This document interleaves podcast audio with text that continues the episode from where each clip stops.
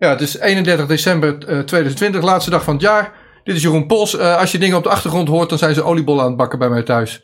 bij Jeroen is dat niet zo. Ik weet niet precies waar je bent met je familie. Je zit in een ver buitenland. Jeroen, je hebt vandaag de uitslag gekregen. Ik zie die glimlach, ik wist het ook al. Vertel. Nou ja, het, de vordering is toegewezen rechter heeft geoordeeld dat mijn partner en kinderen zonder test terug mogen reizen. Um, hij heeft namelijk geoordeeld dat dus de staat had zich verweerd van het is maar een kleine inbreuk op de lichamelijke integriteit en daarmee zou het aanvaardbaar zijn om dat te doen, om deze eis te stellen. de rechter heeft geoordeeld dat het kan dan wel een kleine inbreuk zijn, maar het blijft een inbreuk en voor een inbreuk op een grondrecht heb je een specifieke wettelijke grondslag nodig. En de wet publieke gezondheid biedt deze niet. En daarmee uh, is handelt stigmatig door deze eis te stellen. Even een paar dingen langs. Dat is mooi. Ja. En, ja. Laat ik wat vragen op je afvuren, want dan komen we volgens mij ook alles langs. Um, uh, ja, ik kan me voorstellen dat mensen ook teleurgesteld reageren, want jullie hebben volgens mij meer gevraagd. Maar ja, dit is een voorzieningenrechter en die zegt: ik tref een voorziening voor de mensen die het betreft. Maar in zijn onderbouwing is mijn woorden, kei en kei en keihard op die wettelijke regel. Hij zegt gewoon: kan niet. Maar telt alleen voor jouw familie. Klopt. Uh, in principe wel, maar iedereen kan natuurlijk met dit vonnis in de hand een beroep hierop doen. En uh, sterker, al die mensen, want we zijn overspoeld met berichten van mensen die overal gestrand zijn. Um, al die mensen die kunnen straks, als zij terugkomen, de schade verhalen op de staat die ze hebben moeten maken. Ze hebben de vlucht gemist, ze hebben hotels moeten nemen, ze hebben moeten reizen om een test te doen. Ze hebben een test eh, gehaald die ze normaal niet uh, zouden halen. Dus deze mensen die hebben nu een handvat om straks gewoon naar de rechter te gaan en hun schade op de staat te verhalen. En het enige juiste wat op dit moment de overheid kan doen, is deze maatregelen per direct intrekken. Een recht heeft een oordeel gegeven en een rechtsstaat hoort een overheid dat te accepteren en daar consequenties aan te verbinden. Ja, dat was mijn volgende vraag. Dus ook gewoon op oudjaarsavond? Ja, natuurlijk. Ja, absoluut. Dat moet per direct uh, ingetrokken worden. Oké, even wat de mensen langslopen. Want je zegt, ik, ik word, uh, ik merk het ook, want je bent niet zo makkelijk bereikbaar vandaag. Je bent helemaal druk. Je komt ook niet aan de oliebollen toe waarschijnlijk. Maar zijn er ook al politici die jou benaderd hebben? Dat is de ene vraag. Uh, zijn er mensen van de pers die jou benaderd hebben?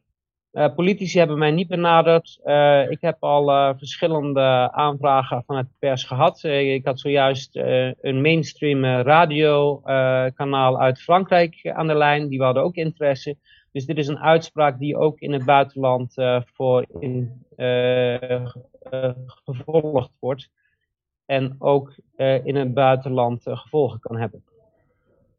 Ik veronderstel, ja, het is te snel natuurlijk. Hoorde je mij? Want ja, ik hoor je wel, alleen. De verbinding niet zo goed. Dat klopt. Je beeld was bevroren, maar je audio ging prima uh, door. Um, nee. Ja, ik heb van jou dat vonnis gekregen. Uh, ik heb dat nog niet bij jou kunnen vragen. Vraag ik dan nu. Het pdfje kan ik gewoon op mijn uh, podcast.nl plaatsen, denk ik. De uitspraak? Oh, je valt Absoluut. Ja, ja. oké. Okay, ik, veel mensen, iedereen die daar Iedereen moet daar kennis van nemen, zodat ze weten, uh, zij kunnen gewoon naar Nederland komen en ze kunnen met een beroep hierop. In principe is het gewoon onrechtmatig op dit moment om dit te eisen. En uh, ik denk dat uh, heel veel mensen mee geholpen zijn. Ja, wil je mijn complimenten geven aan Gerben van de Corput? Want jullie, het is ook voor jullie, je breidt het samen voor. Ik, ik, volg je sinds juni. En je hebt echt heel veel tijd gestopt in al die, al die korte dingen tegen de staat. En elke keer denk je, wat doet die rechter nou? Maar nu wat is er dit keer anders, wat is er dit keer anders gegaan? Wat, waarom werkt het nu wel? Nou ja, ik, ik, hoop uh, dat die rechter uh, ook denkt van ja, hoe ver ga ik hierin mee? Want hij is steeds weer meegegaan met de staat. En ik denk dat hier toch wel een duidelijke grens overschreden werd. Want we hebben het nu over op onaantastbaarheid van het lichaam. En het recht om als burger terug te keren naar je land. Dus ik denk dat hier voor hem een duidelijke grens was. Kun jij in gewone woorden uitleggen wat, het, wat de onderbouwing is van de, van de, van de rechter in zijn, uh, in zijn, in zijn ja. antwoord? Ja, uh, de, de staat die had de maatregelen gerechtvaardigd. Die zeiden dat de wet publieke gezondheid, artikel 53 en 54, uh, eh, een grondslag biedt voor een maatregel als deze. Wij hebben dat bestreden. We hebben gezegd, deze, deze artikelen geven en deze bevoegdheden geven alleen een mogelijkheid geven bij aankomst als er sprake is van een concrete aanwijzing van ziekte we hebben het hier niet over zieken, we hebben het hier over gezonde mensen die een test moeten doen. Maar eh, die bevoegdheden gaat alleen maar over als er een verdenking staat, dat, er, eh, dat als er een verdenking is van een ziekte. Kan niet op gepasseerd worden. Dus daar hebben we gelijk in gekregen. Op de andere gronden is de rechter niet ingegaan, want er was natuurlijk nog een ander mensenrecht vastgelegd.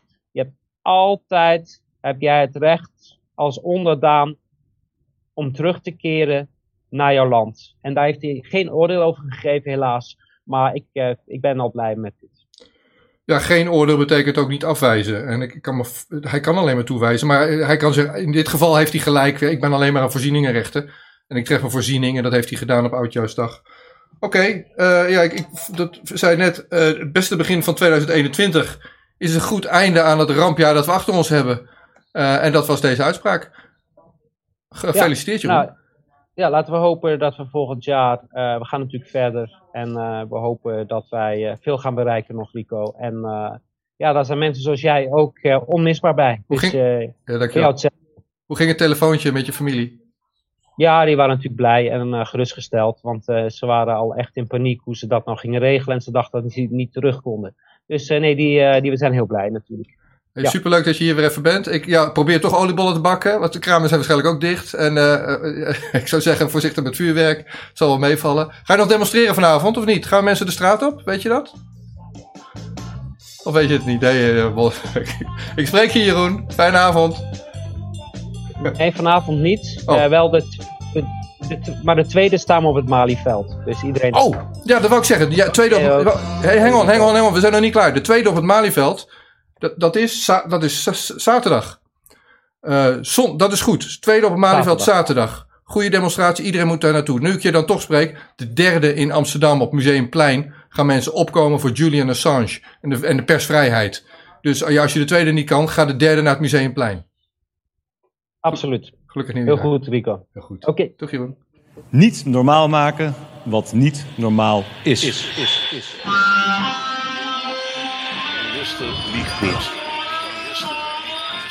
Every nation in every region now has a decision to make. Decision to make. Decision to make.